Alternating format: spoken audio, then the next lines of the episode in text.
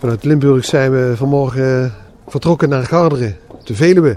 Paul Blaak, waarom zijn we hier? Nou ja, op de Veluwe in Garderen vindt, uh, vindt ieder jaar het uh, Veluwe Zandsculpturenfestijn plaats. Ja, een fantastisch evenement.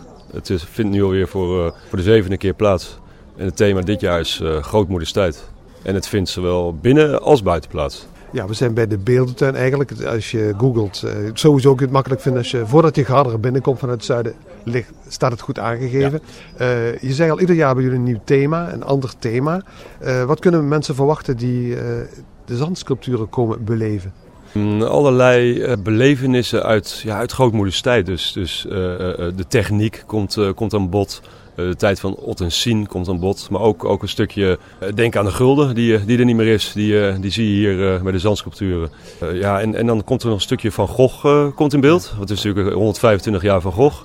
En daarbij is er een, in het binnengedeelte nog een spellenwedstrijd. Waarbij mensen kunnen raden naar boeken. Dus, dus ze moeten raden welk boek is uitgebeeld in het zand. En daarbij kunnen ze weer leuke prijzen winnen.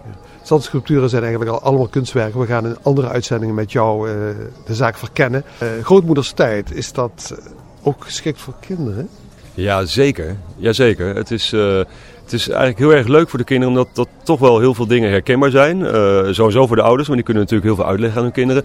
En bij ieder beeld staat een, um, ja, staat een bordje met, met de nodige uitleg. Waarbij, uh, waarbij eigenlijk wel heel veel duidelijk wordt. En, en kinderen, denk ik, um, het zelfs mee kunnen nemen in hun toetsen. Ja. Educatief, fun en die combinatie die gaan we zoeken hier ja. en vinden. Ja, zeker.